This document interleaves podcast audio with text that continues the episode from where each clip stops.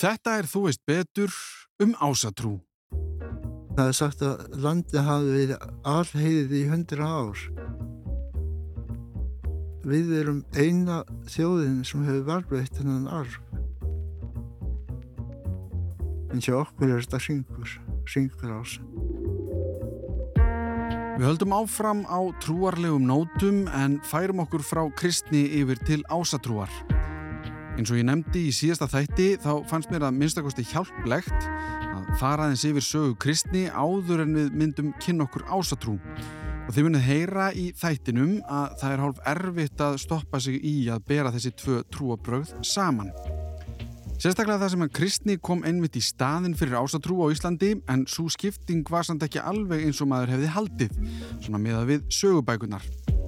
En við förum í það allt saman í þættinum á samt því hvernig maður ylkar ásatrú, hvað sé að finna í þeim rétum sem trúin byggir á og hvort að Loki er eins mikil prakkari og Marvel-heimurinn lætur hann líta út fyrir að vera. Þetta og miklu meira í síðasta Þú veist betur þætti ásins. Leðsugumadur okkar í þetta skiptið er Hilmar Örn Hilmarsson og eins og alltaf byrjum við á kynningu frá viðmælandanum sjálfum. Já, ég heiti Hilmar Hilmarsson. Ég er tónskáld og fórstuð maður sértrúarsafnaður.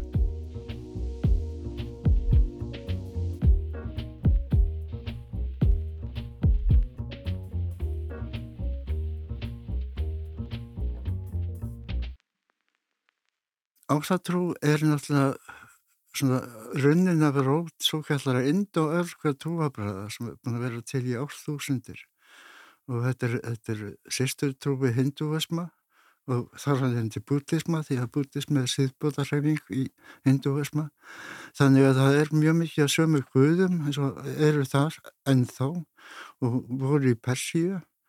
Og þetta er umverða eitthvað sem að menn hafa talað um að, að hluta trúni flýst frá söðri til í norður og blandast þar við svona trú frumbyggja norðurlanda sem eru vandilega þá uh, þeirra guður eru vanirnir sem eru sjósamir guður mm. þannig að þetta er svona skemmtlegu bræðingur Og eru við með eitthvað árt eða eitthvað, eitthvað tímabil þar sem að því eins og við segjum með Kristina þá eru við bara árið 0 eða, já, eða já, já hvenar eru við einhvern veginn með þá reynu? Við erum kannski með fyrstu reytuðu heimildina sem er árið 70 af fyrstinu tímatali sem er bókin Germani eftir Takitus sem er að skrifa um hvað, eh, hann er náttúrulega að skrifa út frá því að hann var svo leiður á Rómverðum fannst þeim vera söðleisur og latir og var að nota sko germ, germani sem svona tákmynd hins reyna og svona hins reyna villimann sem að vildi ekki búst, tilbyða guðina í húsum því að guði þeirra var svo stórir að það þurfti að vera út í náttúrunni og hann nefnir í, í þessari bók öðna, þrjá guði sem eru augljóslega týr og þór og hugsanlega óðinn mm. þannig að við getum alltaf rækið það að Rómbyrjar vissu af þessum mönnum í, í Norður Európa sem voru að, að, að tilbyða þessu guði. En aftur á mótið er það miklu eldri. Þú finnur Indra á Indlandi sem er sama, sama nafnið og Þór. Og veitna, þeir eru með sína frum kú alveg eins og við erum með auðhumlu.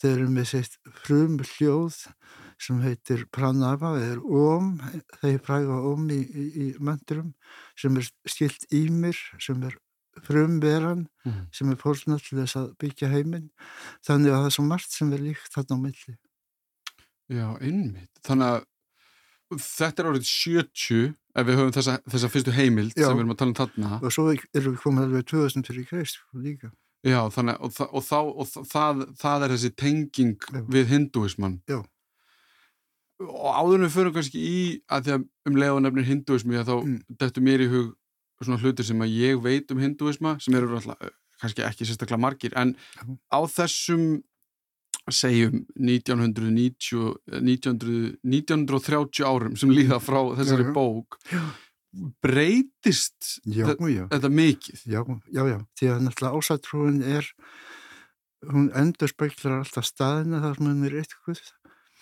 og eins og ég sagði að þá eru banir líklega prósamir guðnir sem hafa verið hérna til staðar áður. Og það eru eitthvað sem hefur verið frá nýsteinöld eins og í, í, í hérna, Danmarku það sem við erum með mikið af minnjum sem hefur verið sagt í dí sem er, tengist líka þessari hugmynd um, um frjóðseminna að guðurnir takir við fórnum í, í vatni eða eitthvað slíkt og þar er talað um geðiðuna nerþus líka hjá takitussi sem er hvern mynd af nyrði og nerþus býr í eitthvað vatni við, við hugsanlega í Danmarku og hún er dregin upp og sett í vagn sem er svona ceremoníalt hér kæruður um þannig að þarna er einn geðja sem er horfend þá að sér leifar á henni í hófræni mm -hmm og hún er eða hvernmynd af nýriði á sama hátt og præja er hvernmynd af præji eða þau eru svona pör mm -hmm. þannig að það er svo margt skemmtlegt sem maður getur fundið og mikið að samsverðinu Þannig að hún er einhvern veginn að þróast á mismöndi hátt á mismöndi stöðu já, já, já. og er hún þá að fara á mitt milli staða þá bara með vikingum eða einhverjum já, já, já. bara veitna, fólki sem eru að flytja hann á milli og... Já, þannig að menn hafa verið að pinna sko, stittur eða höfut sem einhvers einagsmann sem að talst yfirlegt vera óðinn sem eru eiginlega eldri þetta verður að finnast að síðast árum sem er eldri en það sem að menn hafa haldið að óðinstyrkun hafi verið því að menn halda að Óðinn hafi komið mjög sent inn og hafi þá verið að taka yfir hlutverk týrs því að mörg nöfn Óðins enda á týr. Hann er hangatýr, hann er farmantýr og svo framvegis. Mm. þannig að hann hefur smátt og smátt verið að taka yfir þetta höfuð hlutverk týrs sem hefur verið svona það sem er kallað himnaguð eins og e e seifur sama orðið og týr mm -hmm. og Júpiter sama orðið og týr. Og, og Dæjas í sanskrit sama orðið og týr. Einmitt, þannig að þetta hefur þessar tengingar já, við já. einmitt líka já, minna, já. einmitt.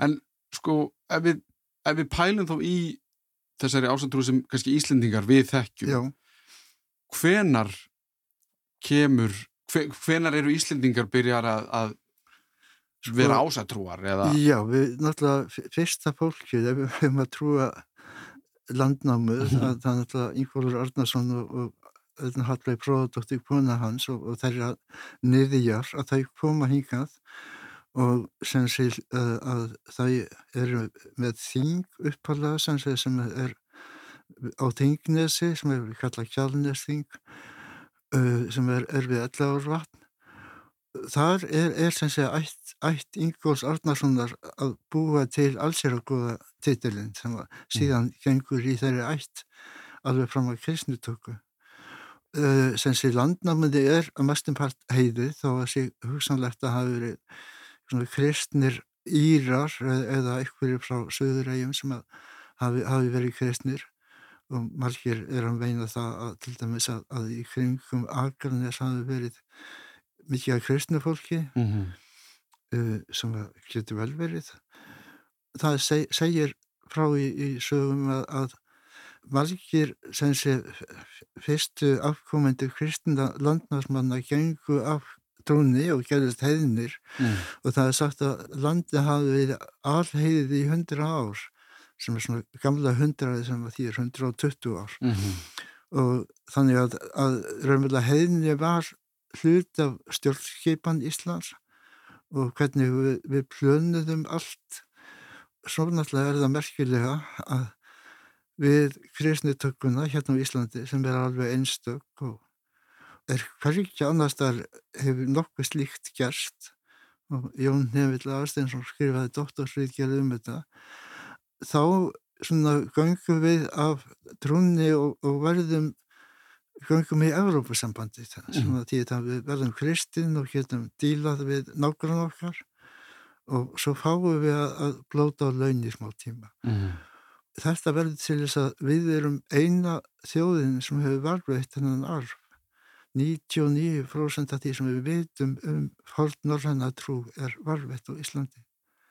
Þú hefur ekki nema tvær gamlar tískar bænir í Hornháþísku, nokkra rúnasteina sem eru veist, í Englandi, Nóri, Svíþjóð, Danmarku en mjög lítið um, um sem sé heitið ykkur að hefna sögur nema það hvernig þetta sagan um það þegar að Þór fer með heim með jötni að veiða og, og, og, og veiðir óvart og það hefur verið mjög skemmtileg saga vegna þess að það er til rúnasteinar myndum á því. Þetta mm -hmm. er verið tækni mynd að saga þeirra tíma. En við Íslandikar valveitum allt sem er vitað í þessum tveimur eddum sem við talaðum mm -hmm. sæmundir eddu eða, eða eddu kvæðum og síðan snorra eddu. Þannig að það er það er allt sem við vitum. Já, og, og, og það er frá, okkur komið. Já, já. einmitt Þannig að það er ekki sko, engin tilvílun að, að ásatrú og ásatrú að menn hafa fundið sko, að, að þessi tilvist hérna á Íslandi sé mjög, mjög mikilvæg að halda halda henni á lofti mm -hmm. því að við eigum þetta skuldlaust og að, menn hafa verið að kroppa í þetta getnum allir og eigna sjálfið sér hennin arf mm -hmm. Jakob Grimm, annar Grimmsbræður, hann reyndi að stela alveinum okkar og, og, og, og kjana þískan með svona reverse engineering og þjóðverðar voru mikið í því að pæli hvernig háamál hefur hljómað á þísku í upp, sinni uppröndulegu mynd. Já. Norrmenn vildi eigna sér þetta og að Íslandikar hefur bara verið að vinna hjá norrmenni sem skrifar, þetta var ekkert íslenskt, var svona norst Þannig að við þurfum að passa upp á þetta. Já, það er alveg, mennir er tilbúin í fjandsamlega yfir. en sko, tölum þá aðeins um þessar eddur Já. og þessi. Já. Af því þetta er að minnst eitthvað sem ég læriði í skóla. Já. Ég veit ekki, það er það langt sem ég var í skóla, ég veit ekki hvort það sé ennþá skilda, en, en það lítur eiginlega að vera í Íslandsku. Það, það er eitthvað sem er kjönd. Hvað vitum við um það? Hvenar kemur þetta fram? Og, og hvaðan í raun? Sko þetta er náttúrulega mjög umdelt hversu valbreyslunni góð. Sigurinn Rórdal, hann setur fram á kjenningu sem er mjög viðtekinn að völusbá séu orð, svona korter í kristni. Mm -hmm. Þeir hafi gert það svona alveg til þess að passa upp á að þetta, þetta myndi ekki klatast, þessi heimsmynd. Uh, svo eru aðrir sem að sjá svona ákveðin tákn í, í setni eröndum völdurspárum það, það séu Kristinn áhrif uh, doktor Pétur Pétursson vinnu minn, hann, hann vil meina að völdurspáður sé Kristinn mm. og það menn hafa, hafa sagt það svo sem einna áður það var norsku fræðumöður sem auðvitað var alveg harður á því þetta var alls saman Kristið og en, en hvernig ég, þá Kristi, Hva, hvað meinaði með því? Sko, mál er það að Völusmál segir svo rosalega stóra sögu og þarna eru miklar anstæður sem er, er að, að, að, að berjast. Þetta þú ert með þessa baráttu millir kosmos og káos þar að segja sköpun og óreiða. Ykkur hluta vegna þá hafa mann haldið að ásatrúamenn og, og heiðingar hafi verið með svo frumstæða trú að þeir hafa ekkert haft ploss eða skilning á þessu þessa baráttu góðs og íls en það er náttúrulega hleyma því hvaðan þetta kemur í kristni til dæmis, þetta kemur frá Babilóniu mm -hmm. sem eru trúabröð sem eru miklu skildari sem sé okkar heðni heldur en geðingumtómi mm -hmm. að geðingar kynast úhæðisma í, í herrleðingunni þá kemur hún inn í geðinglega heimsmæki því að geðingar þekktu þetta ekki, þú lest gamla testamentið. Mm -hmm. Jafnveg gamli eða Elohim hann sá um þetta alls saman sálfur hann var góður, hann var í góða hann var í illa. Mm -hmm. en, en sem sé að hjá okkur hafa þetta verið kraftar í, í, í mörg þúsund ár eins og öðna, þessi jötnar sem standa fyrir óreðina bæði í, í hinduisma og líka hjá greikjum mm -hmm þar eru títanir og þar eru guðirnir mm -hmm. þetta er náttúrulega alveg sami hluturinn Það sem ég veldi fyrir mig þá er sko að því að ég man þegar ég gerði þátt um kristni Já. að þá var ég að tala við hann hérna Hjalta Hugarsson og mér fannst þetta merkjöld sem hann nefndi varandi kristnitökuna mm -hmm. að það hefði verið svo auðvelt að breyta hamari þórs í kross já, já, voru, nota, nota mótin já, já, já, það hafa fundist mót þar sem þeir eru hlið við hlið Þórsannar mm. og, og, og Krossin sko.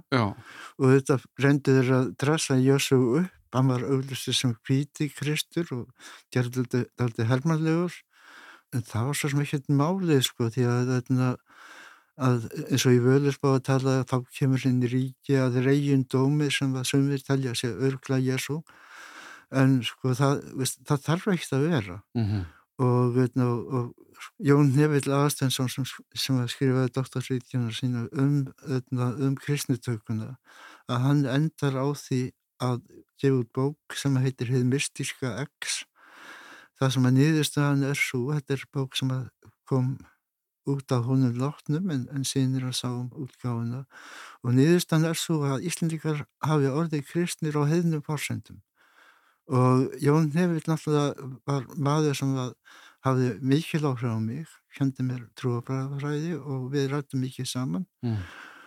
hann var einn af þeim fyrstu sem ég myndi segja að hafi átt að segja á því hvað í ettu hvaðum er, er, eru helgisíðir vegna þess að hann var guðfræðingur og hann starfaði sem prestur í þrjú ár. Mm fyrir austan og hún fæst alltaf í klient ég ætlaði að gerði þann að heiðus félaga í Ósatrúafélaginu fyrir allt hans góða framlag og hann sagði að þú er að þannig að hérna meina að ég var nú einu sinni prestur og ég sagði akkurat þess vegna það hafa menn verið að lesa sig hérna um eddukvæðinni í nokkara aldir en það þurfti prestlarðan mann sem búin að halda vera með séramónjur til þess að sjá hvað það voru helgið sigur og hvað ekki. Mm -hmm.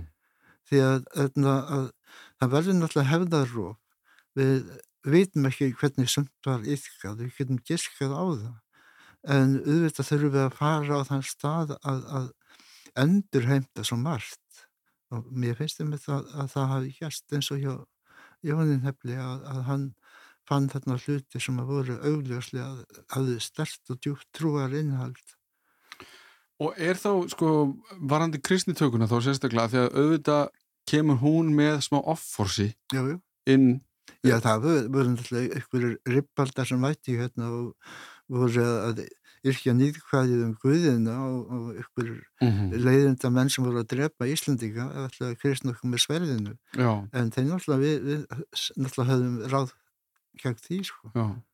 En sko þá veldi ég fyrir mér hvaða ráð sko held ásatrúin Já. að einhverju leiti áfram svona undir niðri er, að þetta er, þetta er náttúrulega núna komin þúsund ára eða meira síðan að, að þetta gerist, er sko, þú segir hann að rofið sko, við, vitu við höfum heimildir um einmitt þessa síði og, og þetta og, og ef svo er, hvað er það þá? Bara handreitingur? Nei, það er ekki handreit til að byrja með, sko, það er náttúrulega myndleg hefð sem var mjög sterk og nú komum við til dæmis að annar í doktorrítgjör sem er rítgjör Kísla Sigurssonar sem er að fjalla um þessa myndlugu hefð og hvernig hún hefur verið sterk og stundum miklu sterkari heldur en textin. Við höfum alltaf fullt af fyrirmyndum. Til dæmis í Greiklandi hafa menn verið að tilja hviður Hómers mm -hmm. bara upp úr sér í bara hundruðir ára á Balkanskafanum að þar, þar hafa menn verið að flytja stóri episk ljóð sem hafa gengið manna á milli í nokkra kynnslóðir og það eina sem breytist í, í þeim hvæðum er hvað þau eru flutt. Ef þau voru flutt í, Serbíu þá unnu serbar þessa tildeknu úrlustu eða voru fluttar í Kroatíu mm -hmm. þá voru það Kroatarnir sem unnu þá úrlustu. Þannig veist, að þetta er bara mm -hmm. mjög svipað eins áþærstrúin er sko, hún aðlaga sig á aðstæðum og, veitna, og, og, og svona hefur verið lífandi hefð alveg mm. eins og þessar myndir af, af tór í veiðferðinni hafa þar hafa verið sagður út um alla, alla, alla Norðurland og Þýrskaland og England mm. þannig að við kunum sé það á því Er einhver tenging milli sko Íslendingasagnana og ásatrúar þú veist, að því að, já, já. að, því að oft ef maður hugsa um Íslendingasögunar þá eru þær færðar í stílinn, getur maður sagt. Já, já, já, mjög. Mjög, já, já. ég vil ekki móðka einhvern núti en þið getur hlusta á þáttum minn um íslenska söguna það sem er hægt að pæli því. En ég veldi bara fyrir mig sko að því að þar er eins og í Íslingarsónu ég bara manna ekki alveg nógu vel. Veist, er það kristifólk, er það ásatrúafólk er, það, er, að, er verið að kalla á þrjumuguðin þór eða það er náttúrulega fjallað um um þessa heiðinu forfæður og það er svo fallegt hvernig það er gert í, í Íslandíkasögum því að náttúrulega að þegar er verið að rýta niður og þá er það kannski að skrifa um langa, langa, langa veðin og mm -hmm. langa, langa, langamu þeir eru gerðir, þeir eru búin mikið ásvatrúum en af svona góðum heiðingjum þannig að til dæmis að, að síðast í allsherrakóðin af ættbúða Ingóls Arnarssonar að þegar hann finnir að hann er að fara að dæja þá latur hann bera sig út í sólskinnið og felur sig þeim guði er sólina skóp og það er sagt að hann hafi verið svo, svo vel síðaður að hann var alveg jafn góðu maður eins og allir kristnimenn sko. mm -hmm. og þetta, þannig við erum alltaf kannski að það júfa Þetta er svona romantísku ífavi Þetta er svo fallegt sko. Og þannig erum við ekki að gera lítið úr okkar heinu fórpæðurum þeir eru yfirlegt ósla fínir og góður og göfugir mm. Eh, sögumil kannski bráðóttir en, en sko þannig að eru tveir skólar í gangi með Íslandikasögur hvort að þar séu heimildir um ykkur að trúar ykkun Jón Nevill var nú einn af þeim sem vildi meina að það væri fullt í þeim sem væri hægt að skoða það í samtíð við trúaritkanir og hann gerði það.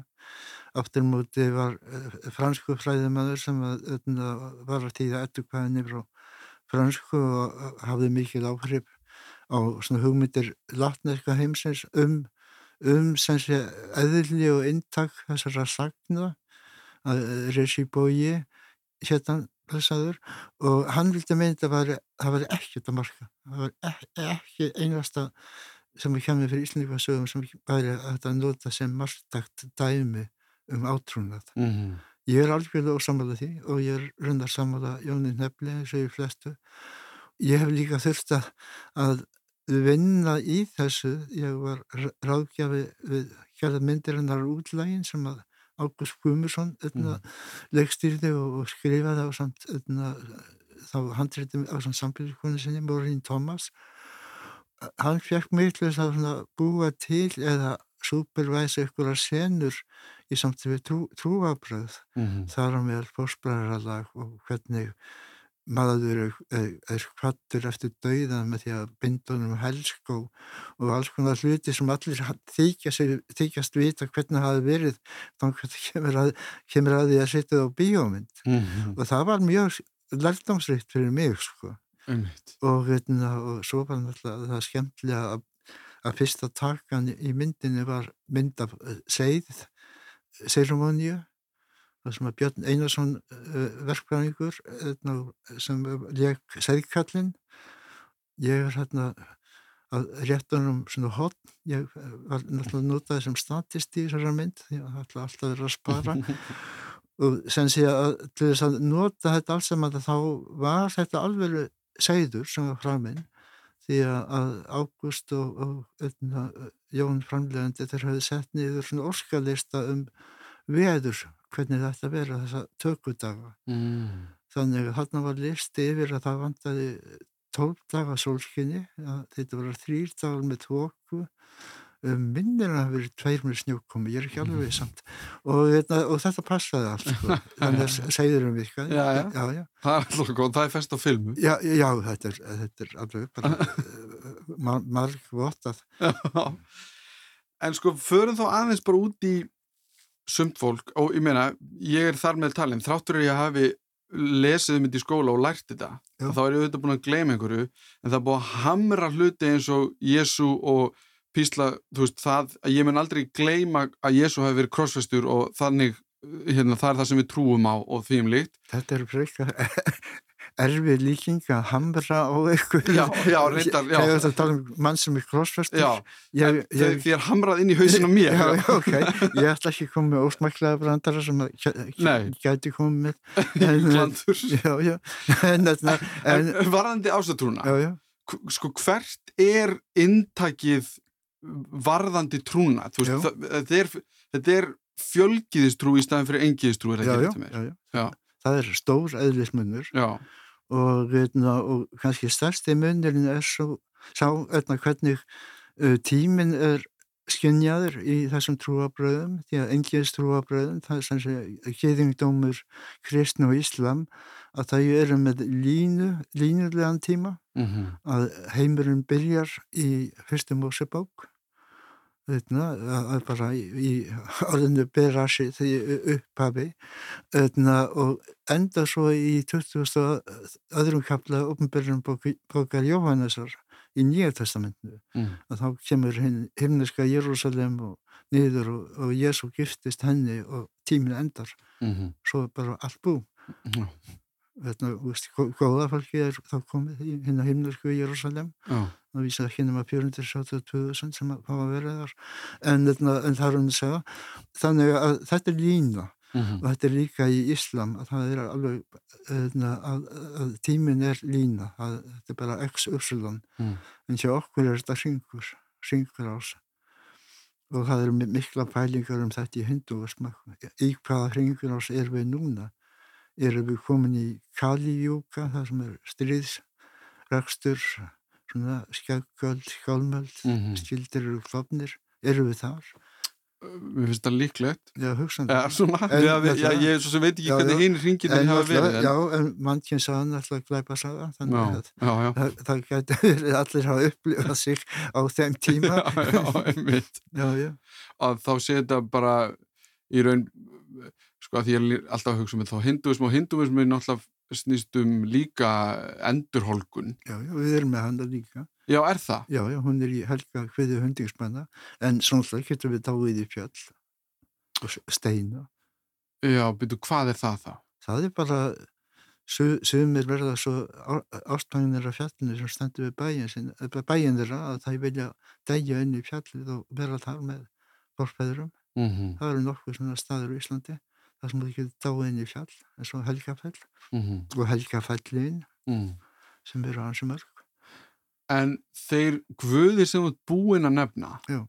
Týr, já. Þór sem er Freyja já, þetta eru guðir sem eru fyrirferða miklir en þeir eru þokkala margir eða hvað Er þeir mikið fleiri en þau? Uh, já, já, sko þeir eru margir Þeir, þeir eru þúsundir í hinduism Nei, þeir, þeir eru fleiri guðir í hinduism en hinduar Þeir já, eru sko 20 miljónir, ekki? 100 miljónir sko. Þeir eru svo óbúslega margir og ekki til nöfnaðu alla sko. Nei, en það er ekki alveg þannig ásættur Nei, við náttúrulega erum með guði sem við höfum nöfnaðu en við vitum eiginlega búið að lítið um. Mm. Við erum með guði eins og ull. Ullir er eitthvað sem er hýðaguð það er mikið af, af örnöfnum í Svíþjóð sem benda til þess að hann hafi verið eh, tegnaði þar mm. en ekki hér á Íslandi nema jú, það er einhver stað raunar hérna, sem er öllarkleptur sem er í hvítá mm. og, hérna, og svona e, einhverja sögur sem tengjast því sem er hérna, góðum aðeins sem hefur að rannsaka þetta En eru það þessi þrjú sem eru hvað stæst eða Nei, sko, þetta er náttúrulega, menn hafa verið að reyna að búa til einhverja þrý, þrý eina, eitthvað þrý eitt góðmagn eins og er, er, er trímúst í, í, í hinduisma. Mm. Það sem við veist með, með öðna, sko, Brahma, Vishnu og Shiva mm -hmm. sem eru þessi þrýr meginguðir. Það er reynd að, að taka það inn hér, vegna þess að í frásögn Adams frá Bremum sem var biskup í Bremen að hann talar um hofið sem að stóði í, í hérna, upp, uppsölum í Svítjóð að þar hafi verið þrjástittur af þrejum guðum og það hefur þá hugsanlega verið Óðinn og Þór og svo er þetta sem sé hérna, Freyr sem er auðkendu með því að hann er með stóran gætnaðalim mm. eða stitta með, með mm. það og hérna, en veist, maður veit ekki hvað er hægt í því Nei En þessir guðir, og ég auðvitað, ég er náttúrulega glemt að nefna Óðinn og, og síðan, þessir guðir standa fyrir einhverja ákveðna hluti, já, já. eins og við veitum, þrjum við guðin Þór, þú veit með, er ekki ástarkiðan Freyja, eða, jú, jú. já, sko, en er einhver, að því að nú er ég að reyna að rugglast ekki á seif og þeim öllum, að því að seifur er hvernig getur maður orðað það? Já, hann er aðalguðin á Ólimpusfjalli en, en hann er náttúrulega konið sem sér við honum því að mm -hmm. Sæfur er náttúrulega eh, honum er eða getum sagt að hann er freka siðilegast þegar kemur að kvennamálum, hann Mhm. getur breyttir í allara kvikinda líki. En er einhver þannig hliðstæða varandi ásatrú, er einhver svona aðal?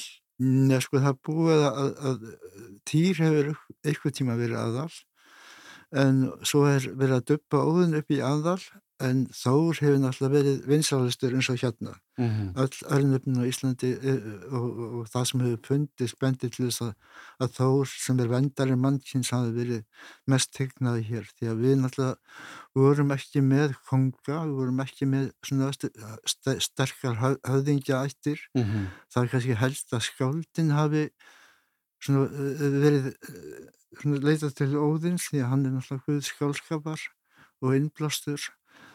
Og en við Íslandikar vorum ekkert í þessum stríðsrakstri og hugsanlega hefur Snorri náttúrulega verið að, að stækka hlut óðins í sinni ettu Mm -hmm. en hann hefur náttúrulega líka sko, hann, hann tekur yfir alls konar hlutverk og hann, hann er náttúrulega stórmerkilegur. Og allt sem er tengist honum og, og svona óðinins nöfnum er mjög merkilegt ég tók nú þátt í því að, að, semja hrafnakaldur óðins með strákunum í Sigur og, svo, og Maríu Huld Markan og, og Stendóri Andersen þar sem við fórum yfir hvæði og leitum með hérna í allar heimildir um óðin Mm. og, og endum þetta verk á því að það eru þölinn all nöfn óðin sem eru til skráða á Íslandi og þau eru ansið ansið mörg Mm. En þá sko þessi saga Já. sko að því að ég las ekki sæmundar Já. uh, ettu. Já, þú er kemkjast af háamál Já, það er bara háamál. Já, og, og völusmá Já, völs, já, Já, ok, þar, já, já, já, ok, ég kannski, Öll eru Já. er þar já. ok, ég kannski hef ekki þekkt þetta undir sæmundar ettu. Já, nei, er bara, það, það, það, sem er líka vittlust, sko, hún var eignu sæmyndi fróða, já, en, en það, það er engin, það er bara vittlust. já, en, ok, já, þannig að þá erum við með, ef við segjum bara háamál og, og, og síðan ertu með snorra ettu, getum við einhvern veginn tekið saman hvað er að eiga sér stað, þú sko, að því að ef við pælum ekki í þessu í einhverju trúarlegu samingi eða eitthvað, þá er Já. þetta bara mjög skemmtileg Já, já, er mikið. lesning, eða þú veist, það, er bara gaman að lesa þetta. Já, og svo náttúrulega er, er, er háfamál eru náttúrulega hlýðstað við spekiritt sem hafa verið til í flestum menningum á, á flestum tímum. Vi, við, einn af stopnundum ásatrúafélagsins, Ragnar Baldursson, þessi kýmversku fræðingur og, og, og sínulógisti, hann hefur verið að þýða bæði Confucius og, og Lao Tse, Mm. bókinu um, um Vegi. vegferðina eins og hann kallar hann um, um dygðin og veg, vegferðina og hann náttúrulega sér mjög sterkan samkljóm við þessa náttúrutrú í ásatrú Mm. og þessu eh, sem er í háamóðum að kenna manni hvernig ég vera góðu maður Mm. hvernig þú átt að vera vinu vinuðina hvernig þú átt að varast það að, að vera sveikull og ljúa heldur alltaf vera heiðarlegur sína drengskap þetta eru gildi sem að kýmverar halda enn í, í, í heiðri því að, að sem er svona einhver blanda af konfúsism og dáism já, já. þegar svo fyndið að, að má, rauða hverjana smá og það það vinsalt í smá tíma kynverður smátt og smátt að færa áttir í sin gamla, ga- gamla táism Mm sem að heitlaði halda á lagsnes út á, á lífinu sko. og, hérna, og það er náttúrulega rosalega náttúru já, það er mjög náttúru tengt það Já. eru náttúru vættir og, og til dæmis bara í, á þessu svæði þá ertu með valkyrjur sem er koma á hestum og sækja hinn að látnu Þú mm veist, þetta er mjög svipað, það er bara að kalla dagkynni á sanskrit og Mhm. tíbersku en, en þetta er alveg sömu vættirnar. -hmm. það er drama. Allt það, hjá þessum ég meina við erum guðum og ég meina kannski það bara því það, þau líkjast okkur. Já ég segi það, það, það spe, endur speikla okkur. Og minna við náttúrulega erum fyrir drama. -hmm. það er bara það, þannig minna, þann, þannig lætur kvöldin líða í baðstofunni eða hvað sem þú ert Mm. eða veist, stofunni að horfa á marver já myndir En, en það er allavega sko, eins og þú nefndir með hinduismenn, þar eru kýr náttúrulega heilar, já, já, og við höfum auðhumlu í Já. ásatrú og það er heimurinn eh, eh, heimurinn fæðist út frá henni eða hvernig, hvernig er að hver er aftur tenging auðhumlu og síðan auðvitað er svona frum vera og af henni falla hún með eh, og spenum hennar kemur eh, þessi frum næring og, og, og frum jötunin í mér hann nærist á auðhumlu mm -hmm. uh, Andri Snær Magnason að hann hefur náttúrulega verið að ferðast um svæðið hérna í, í, á Indlandi og, og í, í fjallanum hérna. Nepal og þar. Nepal og þar og þar er stort svæði sem er kallað humla og þar eru fjórar ár sem falla niður og það einnig er, er gangjas og þessar ár eru allar heilagar þannig að humla er, er gæti þetta gæti verið tengt, maður veit það ekki. Já, en þetta er, ef En- þetta er en- tilviljun þá er þetta Já, þetta er mjög sérstök til já, já. og, hérna, þetta svona finnst manni maður finnur alveg fyrir því að, að við erum að tala um eitthvað mjög sterka frum upplifun og maður þarf ekki eins og að vera jungist til þess að, að átta sig á því að þetta eru sterkar hugmyndir sem hafa eh, flust frá einni menningu til annarar Mhm. En þá sko veldi ég fyrir mér mm -hmm.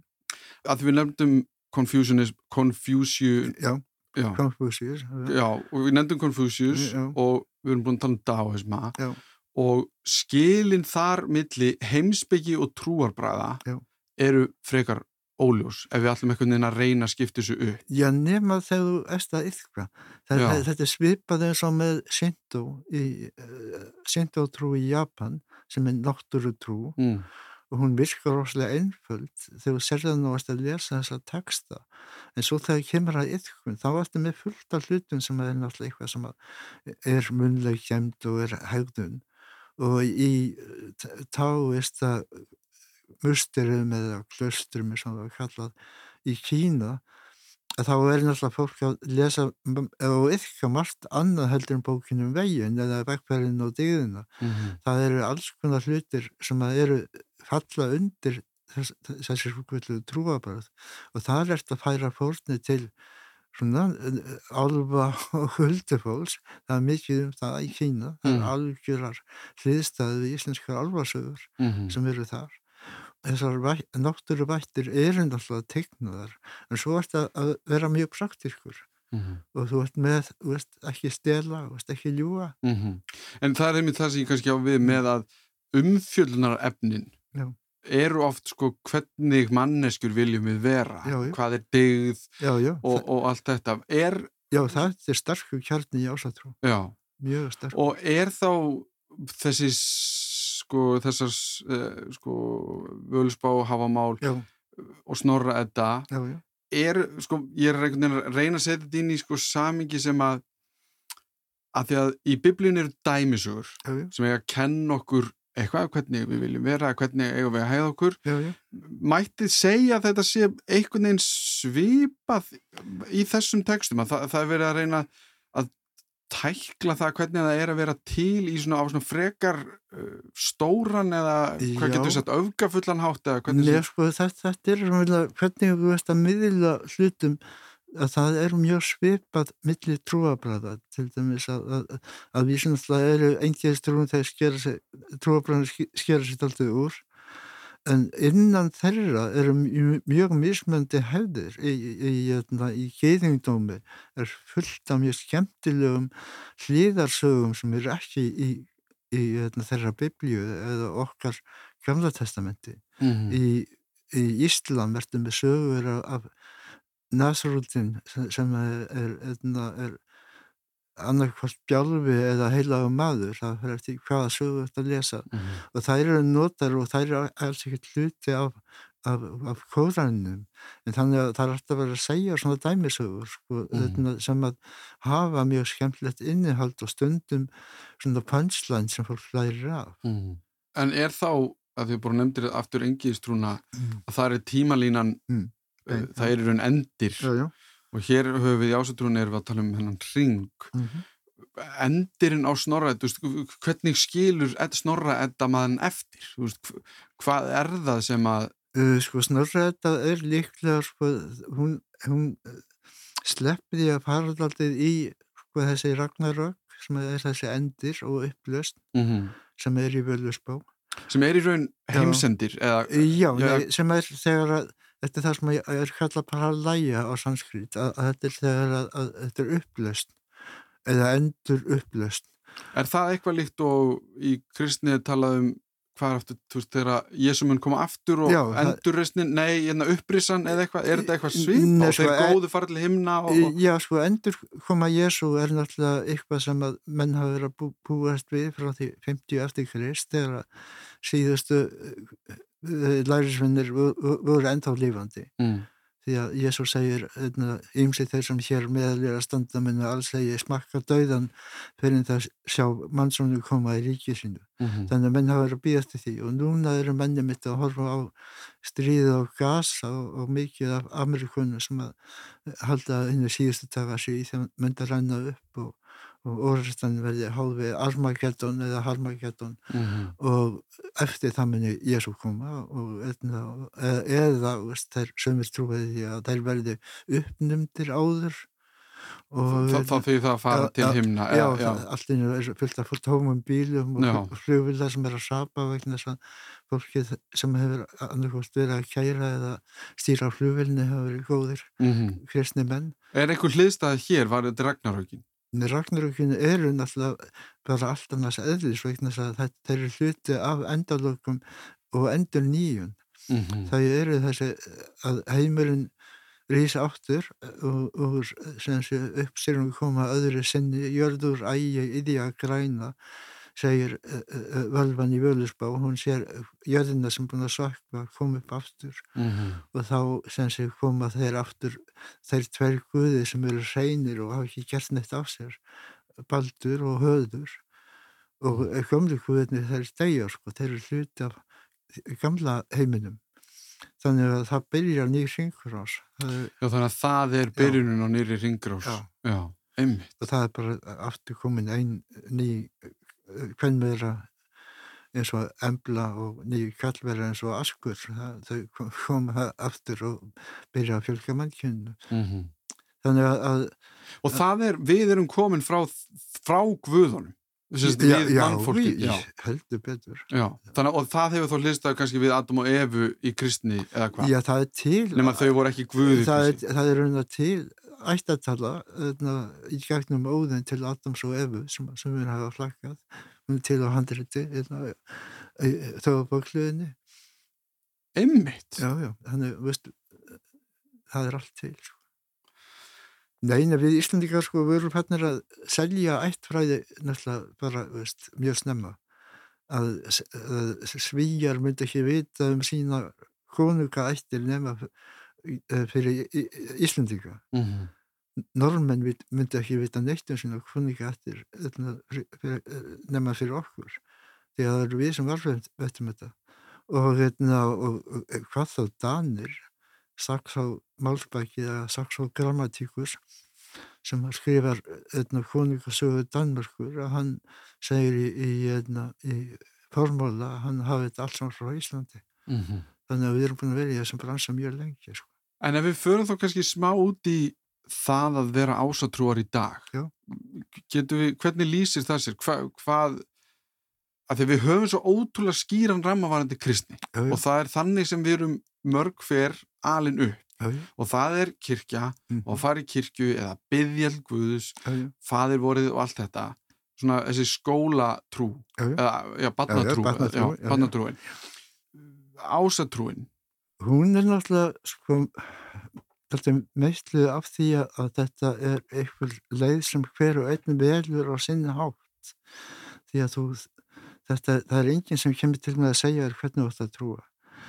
Ég held að ég hafa svona ykkur tíman sagt ykkur að viti þegar ég saði í viðtali öðna, við, við brestblad að, öðna, að engjæðist trú veri sko einn sann, sannleikur fyrir fjöldan og fjölgiðistrú það eru margir sannleika fyrir einstakningin mm -hmm.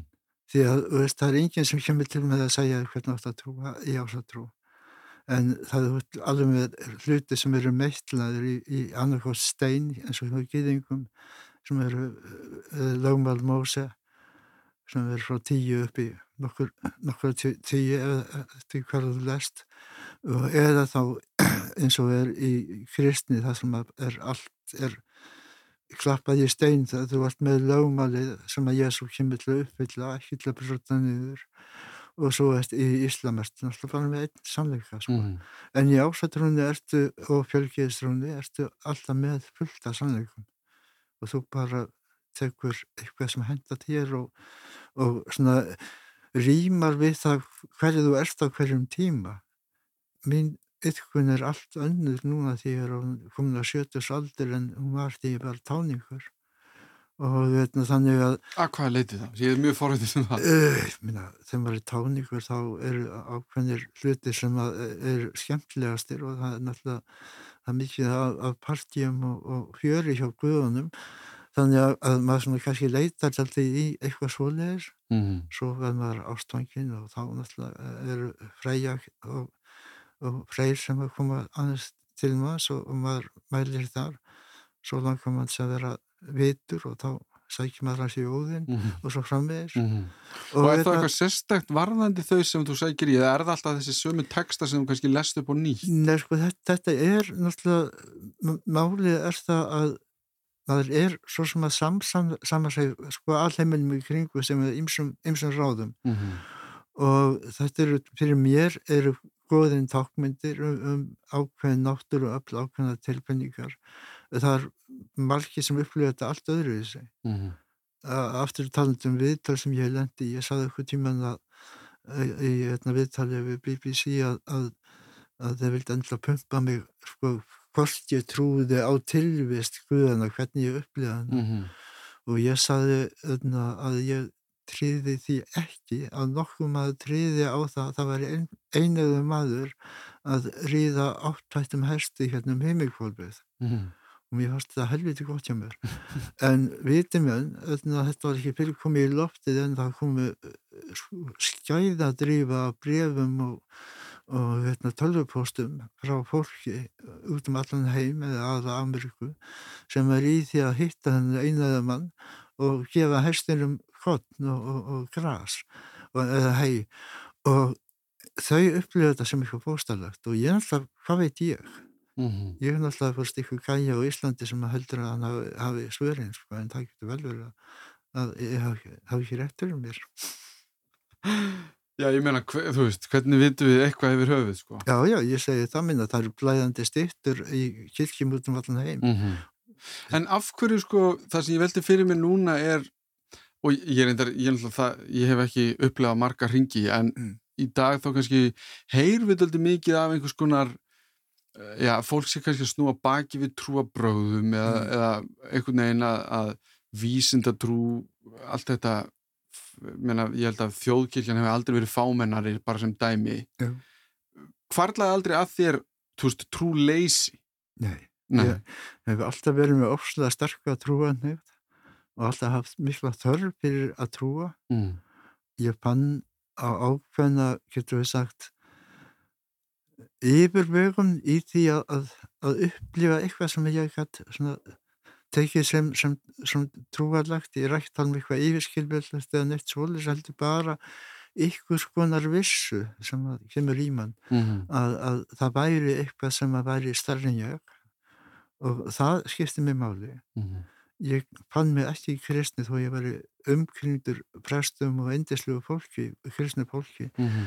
og var náttúrulega bara auðvitað langt flestir vini mínir eru kristnir, mm -hmm. þannig séð ég er ekki ég er bara að sækja vi, vi, vi, og einskorðar þið ekki bara nei, nei, alls ekki Meina, ég kom hérna inn og ég er búin að helsa fjó, fjó, fjórum vinnum mínum og ég held að það séu allir í tökki og hérna, þannig að, að þannig, en fyrir mér var þetta mjög mikilvægt persónulega að mm. finna ykkur skonar ræ, rætur og að byrja þessum. Hvað heldur það sé varðandi ásatrú sem að gerir hana svona vinalega eða einhvern veginn á móti að því að það sem þau trúabröð sem við höfum talað um já, já. og ég menna Hjalti Hugarsson við fórum líka alveg yfir slæmar hliðar kristina trúar sko, já, sem eru ég meina, við þurfum ekki að fara út í það allt hér. Ég, ég myndi helst vilja sleppa því. Já, við skulum bara sleppa því.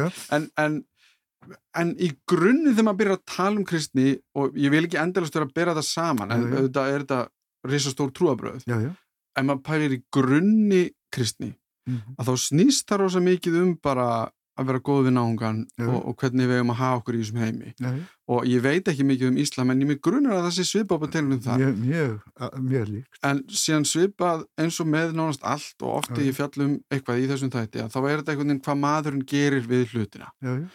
En það sem ég finnst samt við ásatrú ef við setjum hana einhvern veginn í samanbörð við þessi trúabróð er að ég árósa erfitt með að spyrja þig hvað slæmt hefur ásatrú, eða þú veist, hverjar eru myrku hliðar ásatrúar? Eða þú skilur hvert ég er að fara? Uh, sko, ég myndi halda að kannski það myrka sem að er að tengja með ásatrú er að, að ef menn vilja tengja hana við eitthvað svona hernaður heitu eða eitthvað slíkt sem ég held að sé yfirleitt stór ykt og er aldrei fjallat frá þeirri ásatrúum sem varvitist á Íslandi því að það er aldrei upphafning á einhverjum hetjuverkum og, og einhverjum bardögum mm. þetta er miklu meira um grátandi konur og, og, mm. og veitna, hvað, sko hetjur eru heimskar mm. Sigurður Papnisbani hann, hann deyr einn út í skógi og einn á úlfum e, e,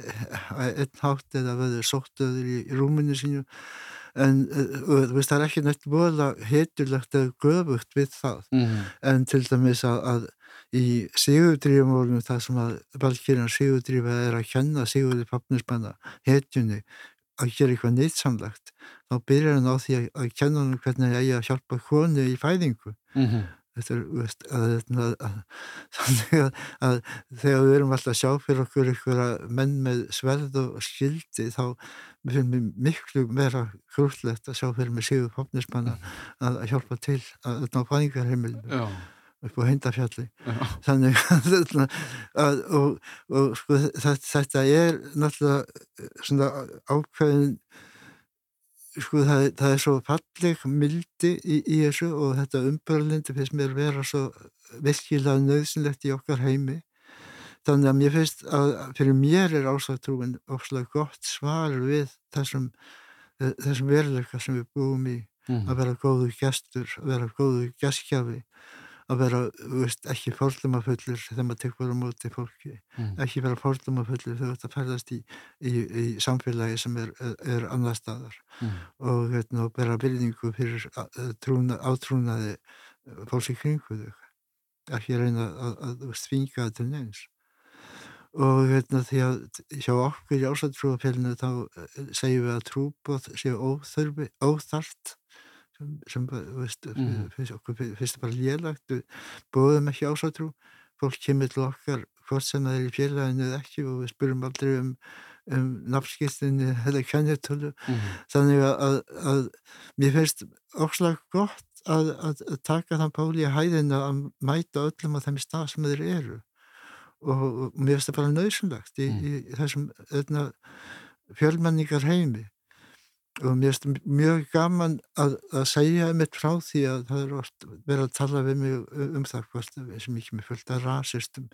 Og ég er að tala um að ásatrú er hinn fullkomna svona tákmynd fjölmenningar. Við erum með guðið sem er á ólíkum uppbreyna við erum með æsi og vani sem er að slást í byrjun og enda svo á því að segja að þetta er leiðilegt og semjum frið og giftumst hvort öðru og skiptumst á gíslum og, og lærum hvort öðru sko. og svo eftir með minna ættföðu guðan eru jötnarnir sem eru óreiðu öflin þannig að við höfum þetta káas í okkur líka mm -hmm. og innan okkar eru alltaf að berjast við óreiðuna og reyna að búa til ræklu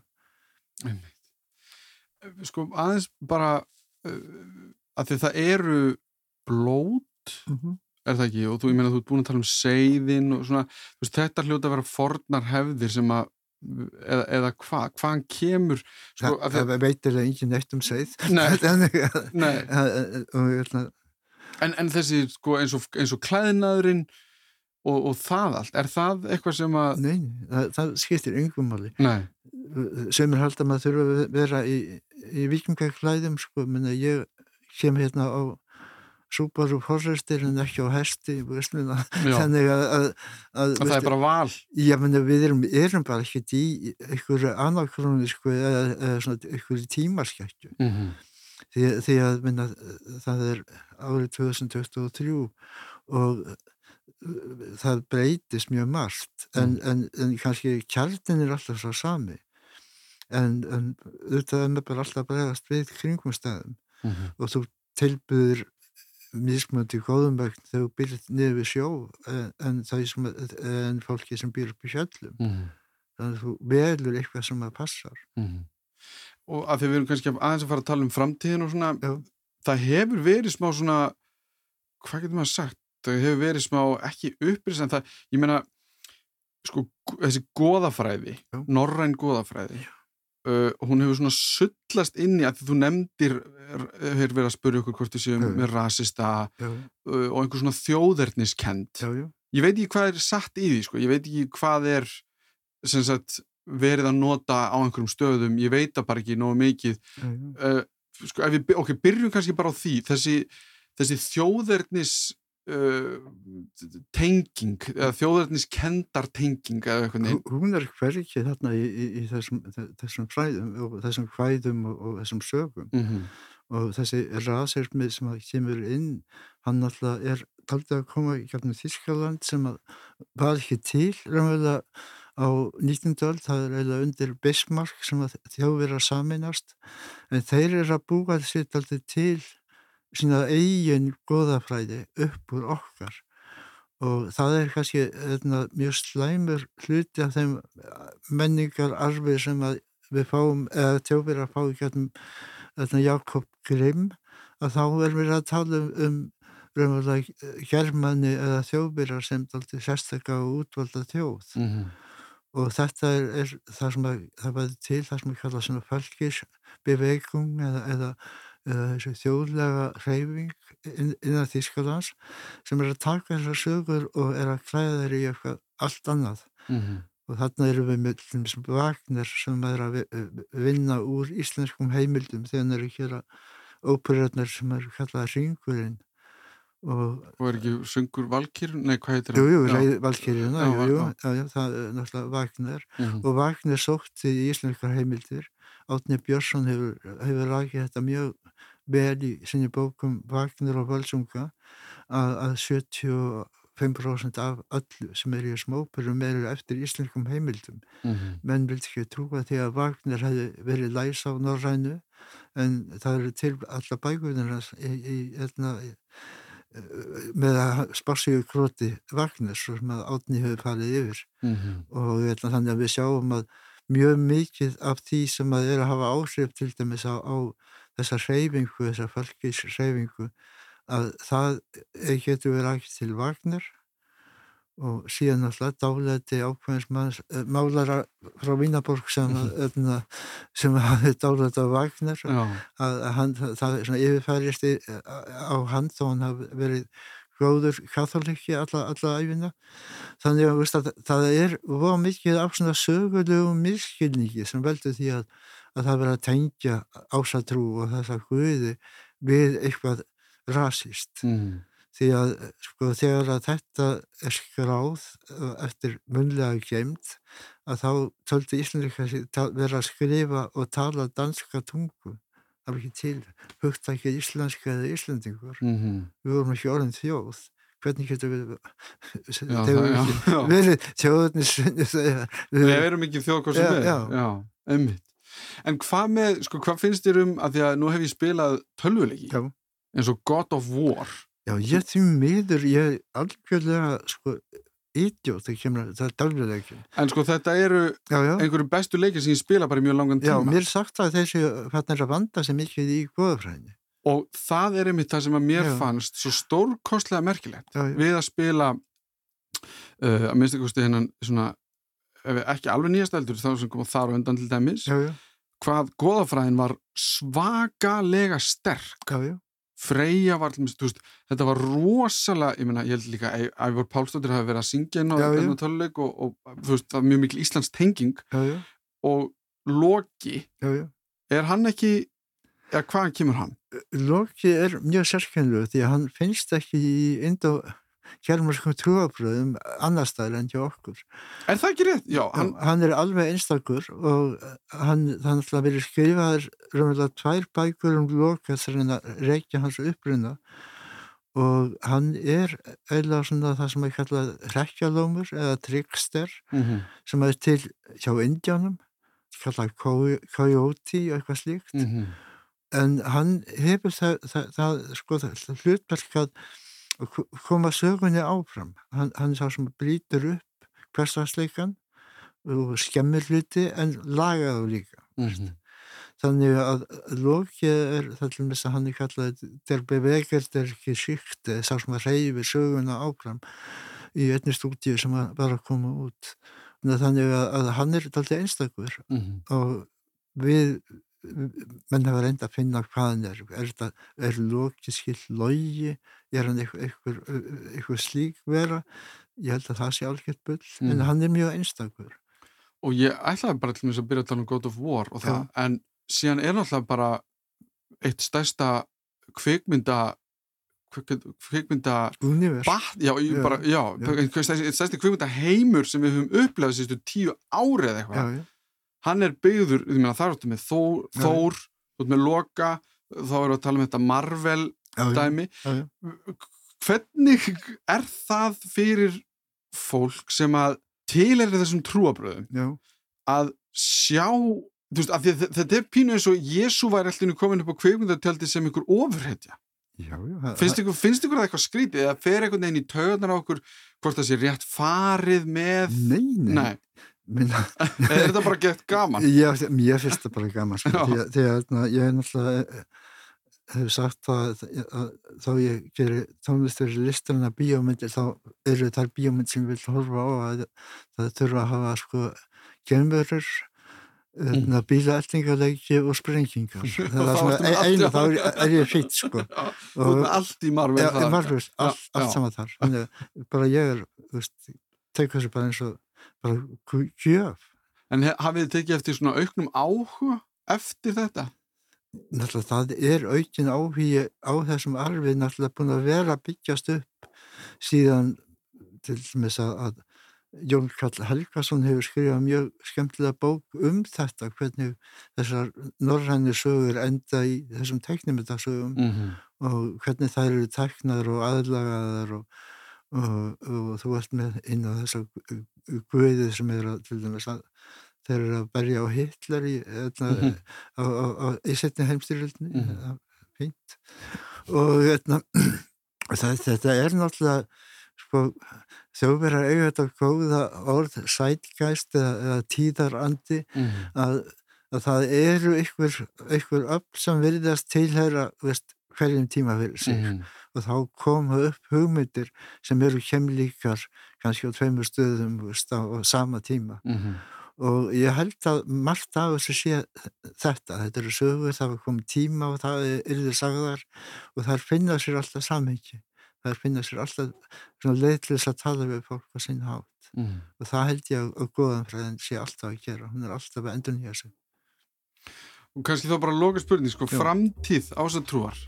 Getum við eitthvað spekulerað um hana? Ég held að uh, hún er mjög björt og svo kom hann alltaf ragnar og þetta byrja upp á nýtt þannig að það er svo sikka bát það Nú er ringurinn komin á endastöð í þetta skiptið og við hæfi að þetta sé síðasti þáttur ársins, endur nýjun og nýtt upphaf rétt handan við hornið. Það er bara spurning hvernig endurfæðingin verði árið 2024. En ásatrú er stórmerkilegt fyrirbæri og trúabröð sem við Íslendingar höfum hugsanlega ekki gefið nógu mikinn gaum, svona með að við það sem Hilmar Örn er búin að vera að segja okkur. Það er raun hálf galið þegar maður hugsa út í það hvað mikið af skemmtana yðnaðinum hefur fengið að láni frá ásatrú og þessum bókum sem eru svo nátengd okkar þjóðarsögu og samfélagi í gegnum tíðina. En að því sögðu þakka ég Hilmari fyrir að koma og útskýra þetta allt saman fyrir okkur. Minni á postin minn allimarat.ruf.is ef það er einhverjar spurningar eða ábendingar. Þú veist betur er komið á endastöð árið 2023 en við höldum áfram af krafti strax í janúar 2024. Ég heiti Allim Á Steinarsson og þakka fyrir mig og árið sem var að líða. Það er búið að vera frábært að vera með ykkur. Þetta var Þú veist betur um ásatrú. Heyrumst í næsta þætti á nýju ári.